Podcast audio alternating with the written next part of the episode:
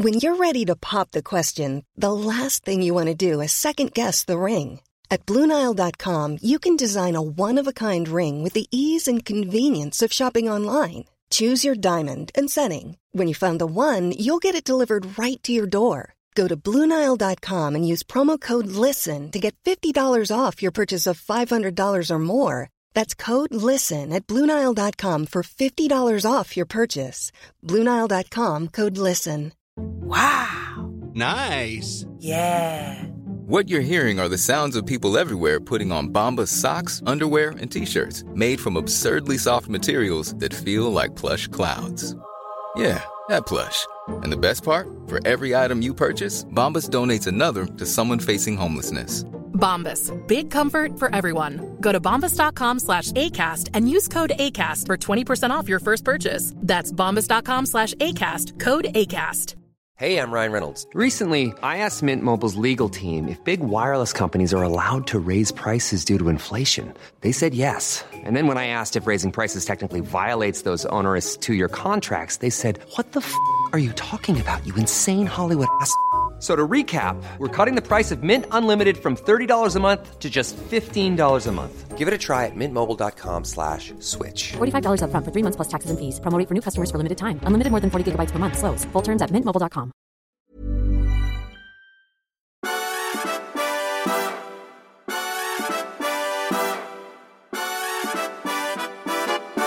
God morgon. Hej hej. Hej.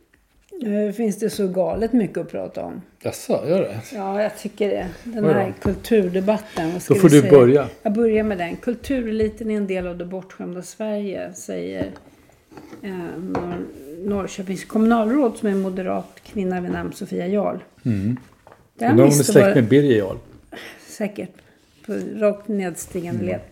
Eh, nej men det, den där, det var ju en debattartikel och den visste ju vad den tog. Ja, fast, Alltså- den, fast beslutet föregick väl debattartikeln? Att skära ner på kulturen.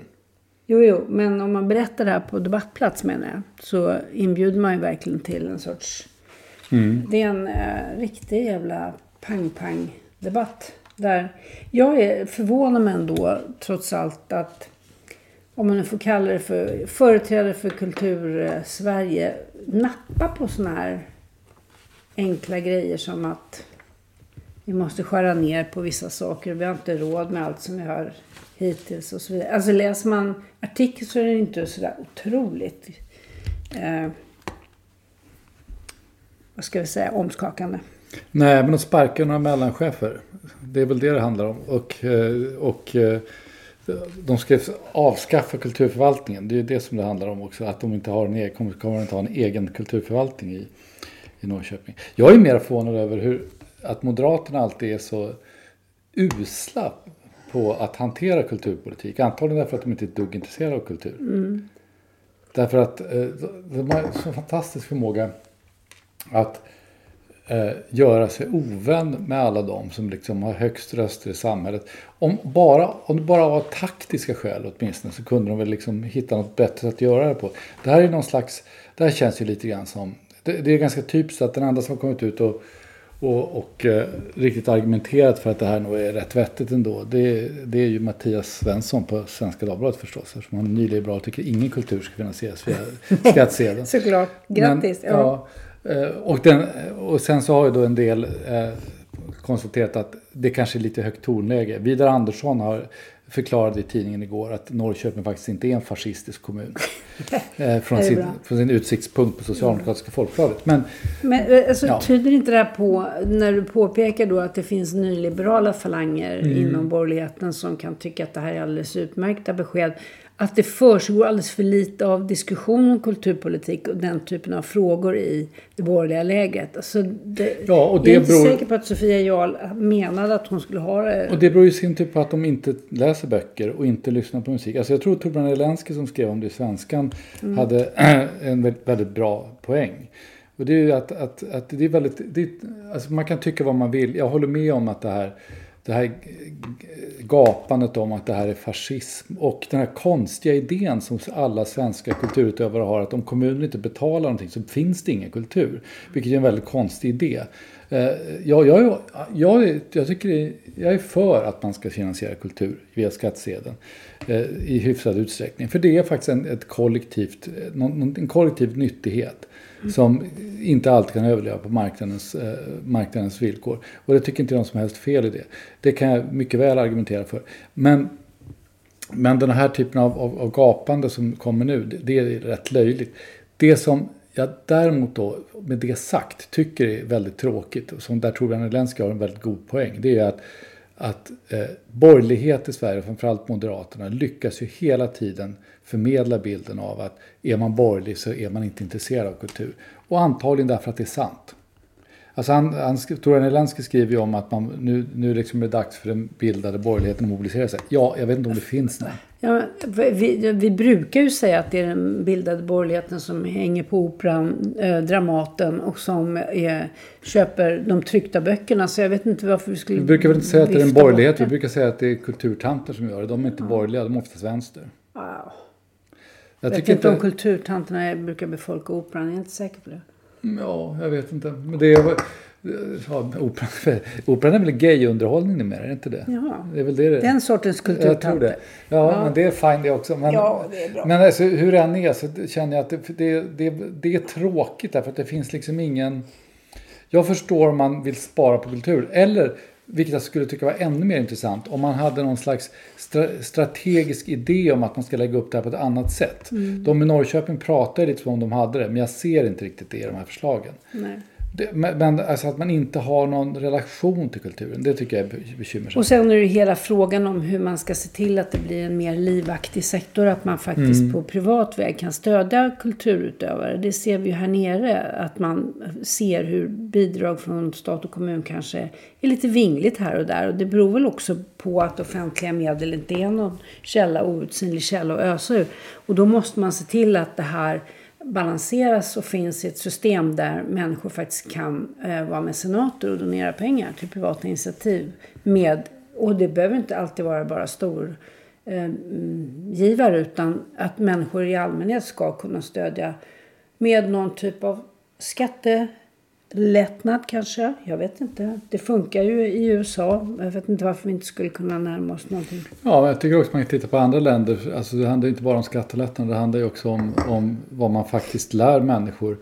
Är för, alltså man har ju ett uppgift i skolan att undervisa i kultur. Det, är, man, alltså det är inte alltid det lättaste att ta till sig. Man förstår inte opera direkt på samma sätt som man förstår en, en, en tecknad serie eller någonting sånt där. Eh, oftast. Och det är där en del av skol, skolan är ju till för att lära oss. Det är ju till för att förädla oss.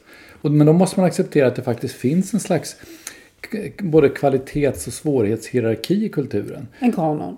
Ja, en kanon. En, att man, det krävs att man faktiskt får anstränga sig lite grann för att, att dyrka upp viss kultur. Och det är skolans uppgift att se till att man gör det. Och liksom inte bara uppmuntra ja, vad det är för tillfället som är intressant. Alltså man, måste ju liksom inte, man måste ju inte lära folk att lyssna på gangsterrap eller vad, det, vad det är. Det är inget fel på att göra det, men där kanske skolan inte behöver göra så jäkla mycket. Utan kanske mer det andra som de borde göra någonting åt. Nu blir den här diskussionen så ohyggligt stor så jag känner bara att nej, nu får vi snäva ihop där. Ja. ja. Var det du som tog upp den? Ja, jag Skyll inte på mig. Nej, men eh, den, nu börjar vi hamna i skolans underbara Mm. Nej, underjordiska Där vill du inte vara. Nej, orkar inte riktigt med det. Men däremot lyssnar jag på en podd, Svenska ja. Dagbladet, som heter Kungen av kungaskvaller. Och den, det är lite förledande för att den, den antyder på något sätt att kanske genom kungaskvaller så är den svenska kungen inblandad. Och jag tänkte att jag var tvungen att lyssna av det där. Är det falsk, det visar, är det falsk varubeteckning? Det, kungen av kungaskvaller heter Daniel Nylén. Ja. Och eh, hela hans eh, Stoppa pressarna heter hans ja. eh, företag. Um, eller vad det är. Eller vad det är. Och de eh, producerar ju högoktanigt skvaller. Och eh, framförallt framgår det ju här att om Daniel Nylén blir förbannad på någon då, då kan han mer eller mindre ge sig på den personen och ståka den i sina, e-, sitt eget medium. Det är vendetta-journalistik alltså? Ja, vendetta. Eh, och han sitter ju inte i Sverige så att det är inte riktigt så att det går att tillämpa svenska pressetik på det där. Men det som var mest intressant egentligen, jag, jag är inte superintresserad av um, skvallersajter här, men det är faktiskt någonting som någon sa i förbifarten, nämligen att den högt aktade eh, Axel Schulman som ju har deras stora förtroende. Alex du? Jaha, ja just det. Han började sin bana på Se och Hör som skvallerreporter tillsammans med, lyssna nu, Sten Hedman, Johan T Lindvall och Daniel Nylén. Där satt de. Eh, och Mm. Vilket härligt gäng. vilket härligt gäng. Sen gick han vidare till mingel.se, eh, Ja, lite samma genre, och Stureplan.se. Och sen så tog eh, Sagde Schulman och tillsammans med sin brorsa startade eh, Tusen apor, Apor. Mm. som skulle vara någon sorts podd eller någonting för Aftonbladet. Den, eh, den höll ju inte ett år. Det var väl innan podden, var det inte? Eller Ja, var det det var det? det kanske. Ja, tror. jag. Det skulle vara kul, men det var tydligen inte Det så var kul. Brunte som tyckte det var skitbra. Olle Brundin, ja. Ja, han älskade det där. ja. Men det, ja, fast allting kan ju inte lyckas jämt. Nej, det kan man inte. Men jag tycker det är så intressant hur man liksom svingar sig ut på tinnar och torn med hjälp av eget släktskvaller. Från eh, det vanliga, så att säga, se och hör-nivån till eh, ja. sin egen Schulman-familj. Ja. Mm. Du sa att det- om Daniel Helén att det var högoktaniskt skvaller, men då är jag intresserad av, är det liksom eh, högotan på vilket sätt? Är det sant? Jag vet inte Eller är det bara sant. påhittat? Det verkar som att det, Är det bara är påhittat ganska, är det inte intressant. Det är ganska Det kan- drastiskt och ganska nedgörande. Det, det, det är storsläggan. Alltså, det är det jag- jag menar med högoktanigt. Mitt intryck, jag har inte hört den här, men mitt intryck är ju att det är lite si och så med sanningshalten. Och alltså skvaller som, man, som är bara påhittat, det är ju jättetråkigt. För det kan man ju sätta sig ner och hitta på själv. Det behöver inte någon annan göra åt det. Det intressanta är ju liksom om det finns någon eh, sanning i det. Då är, det kan det vara lite spännande. Ja, eh, det, det, Alla det nyheter är är för mig skvaller i någon omöjligt att mening. avgöra. Ja, det nej, men jag med tänkte att det kanske de avgjorde i den podden som du lyssnade på. Det gjorde de inte. Eh, nej, det var inte riktigt det det handlade om. Utan Mm. det handlade om... Eh, det är faktiskt ganska svårt att ge sig in på skvallermarknaden och avgöra vad som är sant och osant. Det är väldigt mycket antydningar om att saker och ting ligger till på ett visst sätt i den här. eh, Men det här att det var sajten. kung av kungaskvaller, hade de använt kungen som ett falskt varumärke för att locka till det, lyssning? det, det som var egentligen den kungliga kroken var att Daniel Nylén försökte slå igenom stort genom att hävda att eh, kronprinsessa Victoria och prins Daniel skulle skilja sig. Ja, just det. Och att det var mm, eh, så att säga på väg att lämna sin en skilsmässoansökan i tingsrätten. Mm. det Vilket var ju ju då inte hände. det bevisligen inte sant den det var gången i alla inte sant. Nej. Ja, så var det med den kungakopplingen. Ja, Mm. interesting. Ja. Det är björnjakt nu, vet du det? ja, det har jag faktiskt uppfattat. Och Mm. man får skjuta ganska mycket björn. Ja, alltså en del, ja, alltså jag har lite svårt att avgöra vad som är mycket björn. Men, men eh, det är ju några stycken, det är det ju. Men vi har ju tydligen en ganska stor stam. Det finns några tusen tydligen i Sverige. Jag tror att det var någon som sa att de inte har räknat dem ordentligt sen, vad kan det vara, 2017 och så. där. Så ja, de är inte riktigt säkra på hur många det är. Men det verkar vara rätt många. Men jag, jag hörde en väldigt intressant debatt i radio i, kan det vara kanske i, eh, ja, säg onsdags kanske. Vi, vi chansar på det. Det var P1 eh, och eh, P1 Morgon. Och då satt ordföranden i Svenska Rovdjursföreningen, som inte är en förening för rovdjur, eftersom de har svårt att gå med i föreningar, utan en förening av människor som gillar rovdjur. Eh, Och han var väldigt ilsken på, dels på björnjakten, eh, som han tyckte var alltför omfattande och han ville väl egentligen inte alls ha jakt på björn annat än skyddsjakt. Eh, Och dels på rapportering kring björnjakten som han tyckte var fruktansvärd. Där även public service gick ut och pratade folk, med folk om det vore en intressant händelse och spännande och kul och sådär. Fast vad är det egentligen då, enligt honom? Nej, alltså det han menade, det intressanta var just att hans poäng var att han blev så upprörd över i den här världen där det är så mycket kriminella och så mycket våldsdåd att jägarna tycker att det är kul att skjuta björn. Det var det som riktigt upprörde honom. Och jag tyckte det var otroligt intressant. Jag tänkte på den här, för det är en sån otroligt eh, tids, en tidsmarkör. Att det handlar liksom om, okej, om man måste skjuta björn får man göra det. Men man får inte tycka att det är roligt. Man får inte tycka att det är spännande. Det måste man, vara naturhygien. Ja, och jag höll på att fundera rätt mycket på hur ska man göra då för att se till att jägarna inte har roligt när de jagar sin björn. Eh, Man kanske får skicka ut, jag tänkte man kanske får lov att skicka ut, eh, skicka ut eh, djurrättsaktivister och skjuta björnar för de kommer garanterat inte tycka det är kul. Eller, eller så har man mätare på jägarna så man mäter endorfiner och det blir för mycket Men från alltså, jag, böter. jag tror att det du hörde var just ett försök att att eh, skuldtynga folk som tycker Ja. det är kul att träffa. Så att de ska känna att de åtminstone inte kan säga att de gillar. Nej, säkert. Jag tror det. Och det är alltså, det var någon på DN naturligtvis, DN Kultur plockade upp, naturligtvis upp det här på ett gillande sätt. Men, men det som var så ti- tidsmarkör med tycker jag, det är det här när, all, eh, när alla resonemang blir moraliserande. Alltså, vi är i den politiska läget nu. Carl, Carl Hamilton var inne på det i den här boken som vi har nämnt flera gånger, eh, De ofelbara. Om, om hur politiken har blivit reducerats till, till eh, bara eh, uttalanden om huruvida folk är moraliska eller inte. Alltså istället för att prata om, om eh, praktiska lösningar i socialförsäkringssystemen eller andra sådana saker så, så gäller liksom att, att, att reda ut vilka som är goda och vilka som är onda. Och det här var sådana typexempel på det där, där, där liksom inte själva skjutandet av björnarna blev huvudsak. Utan de känslor man känner om man är jägare och huruvida man är omoralisk om man tycker att det är roligt att jaga. Eh, Och, och sen tyckte jag också det var intressant att det, det verkar som om för en hel del människor så kom det som en slags pinsamt avslöjande att jägarna tycker det är kul att jaga. Och då undrar jag, varför tror de att jägarna gjort det?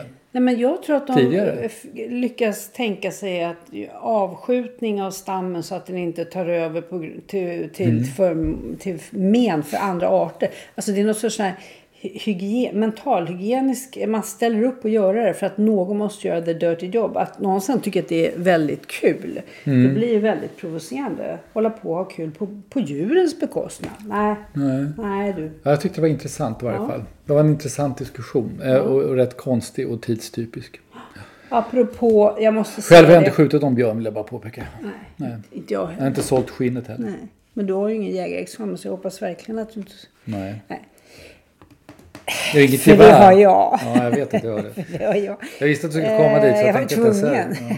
Men apropå Sveriges Radio så måste jag ju ta upp att jag har nog aldrig haft en sån eh, träff rakt in i eh, läsekretsen som med kolumn i söndags i Svenska Dagbladet om språket i, i public service, det vill säga P1.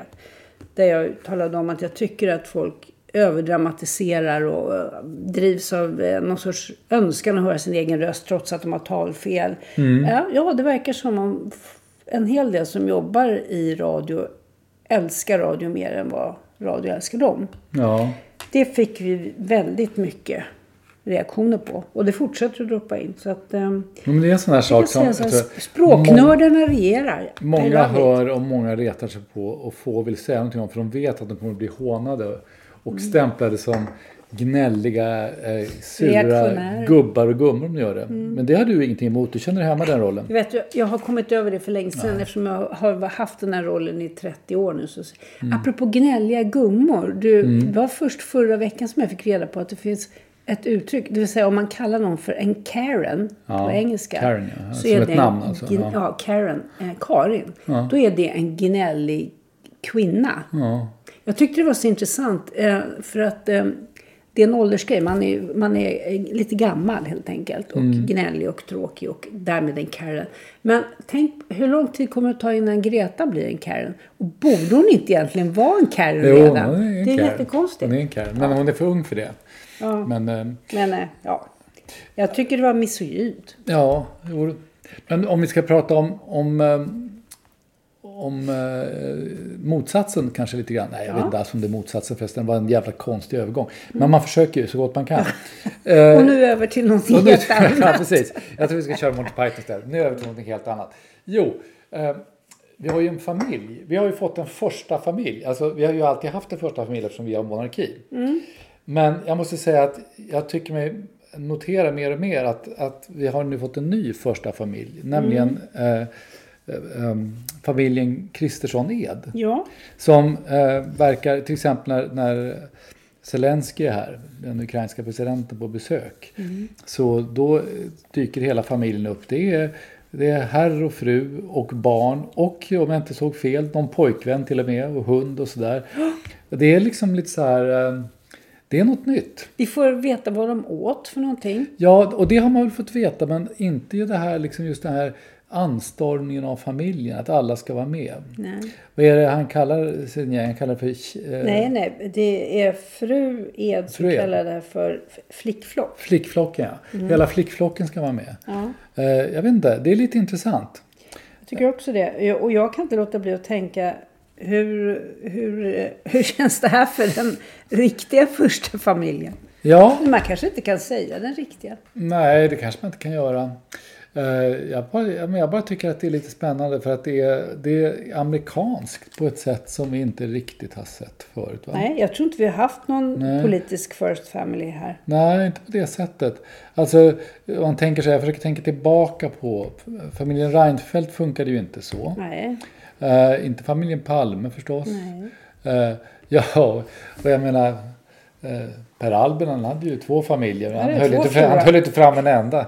Så att, att det, där var det inte heller så. Men, nej, men det är intressant, det här är någonting nytt. Det här ska vi följa. Ja, det ska vi följa, det ska bli intressant. Apropå det, så, uh, First Families Ja. och så vidare, så på den amerikanska arenan där så har man ju sina eh, antingen filmstjärnefamiljer, polis, ja, eh, Brangelina, eller så har man politiska Kennedys, eller så har man de riktigt, riktigt rika som Vanderbilt. Ja, just det. Och jag har nu läst ut eh, en otroligt kul och fin, välskriven eh, biografi. Anderson Cooper som ju är CNN-ankare. Och son till Gloria Vanderbilt som ju var den sista strålande Vanderbilt-stjärnan. Och Även- jeansmakare. Jeansmakare, hon tjänar pengar på det. Även om hon lyckades göra av med nästan alla pengar hon fick någon gång så. Det är bra. Den heter The Rise and Fall of an American Dynasty och jag tycker den är riktigt kul. Faktiskt. Vanderbilt är ju en jätteintressant familj. Ja. Jag skrev lite om dem i en av de här böckerna. Det var väl den här Ladies. eh, För att jag skrev om eh, eh, Consuelo. Consuelo. Ja. Eh, och det, var- det var ju intressant. Men det är, det är ju en, verkligen en... Eh, eh, det är kul också att, att du tycker att den här boken var bra. För att det skrivs ju mycket sånt där som är ganska tråkigt. Ja, Jag har ju ja, istället ägnat mig åt att läsa Claes de Fers nya roman. det. Just det. Som heter Roman 4, vilket jag tycker är bra. Vad ska man döpa sin fjärde roman till? Ja, Roman 4. Nummer fyra. Jag har läst ut den idag ja, faktiskt. Då vill vi höra. Vad, vad säger du? Alltså det är ju vår systerpodd. Ja, och min gamla chef, jag säga, jag vet inte vad jag ska rekrytera honom. Eh, på Fokus. Eh, ja, alltså den är ju väldigt välskriven. Tycker jag. Eh, och den är välskriven på det här sättet att Alltså det är en person som har läst mycket, har mycket referenser. eh, och därför har en ganska avancerad, alltså en, en övertygande och avancerad egen stil. Eh, också kanske eh, varit mycket samspråk på ett kreativt sätt med sin redaktör. Kan jag tänka mig. Eh, det framgår väl lite grann av boken också för det, den- är liksom Det verkar vara en metaroman. det är lite, alltså det är lite grann det som är grejen. Ehm, och det är en fråga om man gillar sån eller inte. Den är ganska postmodern, eh, vilket är lite intressant. Eh, Så här års, eller säga, så här eh, dags. Det är denna tidpunkt i historien. historien. ja. Det liksom dyker upp personer som, som man undrar om de finns på riktigt eller inte finns. Och sen finns de inte och så kanske de finns. Och sen kanske de blir utskrivna fast man har ju läst om dem. Och så, ja, du vet. Det är lite grann sådär. Men det är, det är välskrivet, det är bra språk. Det, är, det finns rätt, om man är intresserad av medielandskapet i Sverige finns det rätt mycket intressanta små insikter. Eh, om man en. gillar Stockholm som stad så är det intressant. Det, man kan säga att det är en modern Stockholmsskildring faktiskt. Men Claes har sagt att det finns inget som han älskar så mycket som Stockholm. Nej, och det skriver han mycket om i boken också. Han är ju själv en person i boken. Alltså han Mm. skriver mycket om hur han liksom har jobbat med att, att göra Stockholm till sin stad. Men också att göra Stockholm till det han lämnar efter sig när han är borta. Liksom en del av... Han ska, han ska så att säga, integrera sig med staden på ett sätt så att hans, eh, eh, hans eh, person på något sätt får ett evigt liv genom Jaså? staden. Ja, jag kanske tar i lite grann. Men det är lite grann så. Eh, Jag tycker den är väl värd att läsa. Jag tycker man ska göra det. Eh, Det eh, tycker jag. Och det ska bli intressant att se hur den tas emot kritiskt. Ja. Tycker jag. Ja.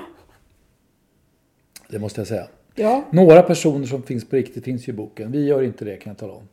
Pust vad Men några stycken vi känner gör det. det roligaste, den roligaste person, eh, personen som ska vi säga, finns med eller är uthängd eller hur man ska uttrycka det i boken. Det är, Uppmärksammas. det är Joakim Berner som han bara nämner i en mening och säger och det är det enda jag kommer att skriva om Joakim Berner för han har så ömma tår. Det tycker jag är bra. Det är ganska snyggt. Ja. Det gillar jag. Då skrattade jag högt. Och då räckte ju det naturligtvis. Ja. Sen måste vi bara ehm, ehm, skryta lite grann med att Fokus eh, aktuella nummer har en helt fantastisk eh, artikel som visar varför 57orna nu måste betala extra mycket skatt och få mycket sämre pension än omgivande generationer. Det, det måste jag säga, det är KG Schelman som har skrivit och den är fint utgjord. Det var de som drog nitlotten. Jag tycker framförallt den är Mona väldigt, Sahlin till väldigt bra redaktörer tycker jag. Ja, det är Mona Sahlin. jag som var redaktör. Oho! Vad bra, kul. Jo, ja. nej, men den är, den är verkligen väldigt bra. Det som är kul med den också är ju att, att eh, den, den utgår ifrån det här problemet med 57orna som alltså har råkat ut för någonting som vi faktiskt är aldrig, aldrig stött på en sån genant misstag i, i politik och förvaltning som det här. Nej. Eh, Men den går ju vidare från det och, och eftersom KG kan det här väl så kan han ju förklara varför det har blivit så här. Och det är, problemet är ju mycket större. Och jag har en ganska betydande känsla av att, att KG kommer att- komma tillbaka i ärendet. Eh, och vi kommer nog få lära oss mer om pensionssystemets, eh, Alla fällor och fel. ja och kanske vissa behov av reformer. Ja. Mm, man säger så. Då tycker jag, on that note får vi nog ta, sluta. Ja, det finns med det. alltid plats för Ja, reformer. det blir lite allvarligt idag, blir det inte det? Ja, ibland är det lite allvarligt. Tänk att man kan inleda prata så länge om Norrköping. Det kommer aldrig att hinna igen. Det hända kommer, igen. kommer inte hända på väldigt länge. Det lovar vi i Norrköping. Ja, kanske. Om det inte, om det inte händer något väldigt spännande där. Vi får se. Tänk, om det, tänk om alla blir nöjda i Norrköping med att de inte, alla, de som bojkott, alla kulturpersonligheter som nu bojkottar Norrköping. Tänk om Norrköping tycker att det är jätteskönt. Ja, men det kan finnas Det är farligt med bojkotter, men det kan slå fel. Ja, vi får se. Ja, vi säger så. Ja, det gör vi. Bra, hej. Bye, bye.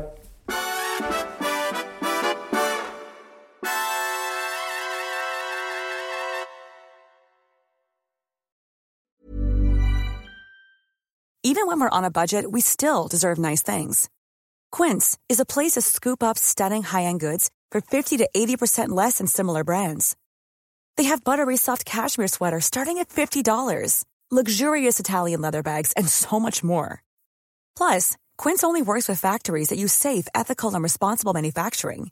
Get the high-end goods you'll love without the high price tag with Quince. Go to quince.com slash style for free shipping and 365-day returns. Even when we're on a budget, we still deserve nice things. Quince is a place to scoop up stunning high-end goods for 50 to 80% less than similar brands. They have buttery soft cashmere sweaters starting at $50, luxurious Italian leather bags, and so much more. Plus, Quince only works with factories that use safe, ethical, and responsible manufacturing. Get the high-end goods you'll love without the high price tag with Quince. Go to quince.com slash style for free shipping and 365-day returns. Confidence starts with loving who you are. And when your skin feels nourished and glows on the outside, you naturally radiate confidence from the inside. Give your skin a glow up with Osea's clinically proven Mega Moisture Duo. This ultra hydrating body care features two of Osea's best sellers, Undaria Algae Body Oil and Undaria Collagen Body Lotion. These seaweed powered heroes use skincare level ingredients normally reserved for your face for results you can see and confidence you can feel. Osea has been making clean, clinically proven seaweed infused face and body care products for over 28 years. This luxurious skincare is vegan, cruelty free, and climate neutral certified, so you never have to choose between your values and your best skin. Glow from the inside out. Get 10% off your first order with code GLOW at OseaMalibu.com. That's O S E A Malibu.com code GLOW.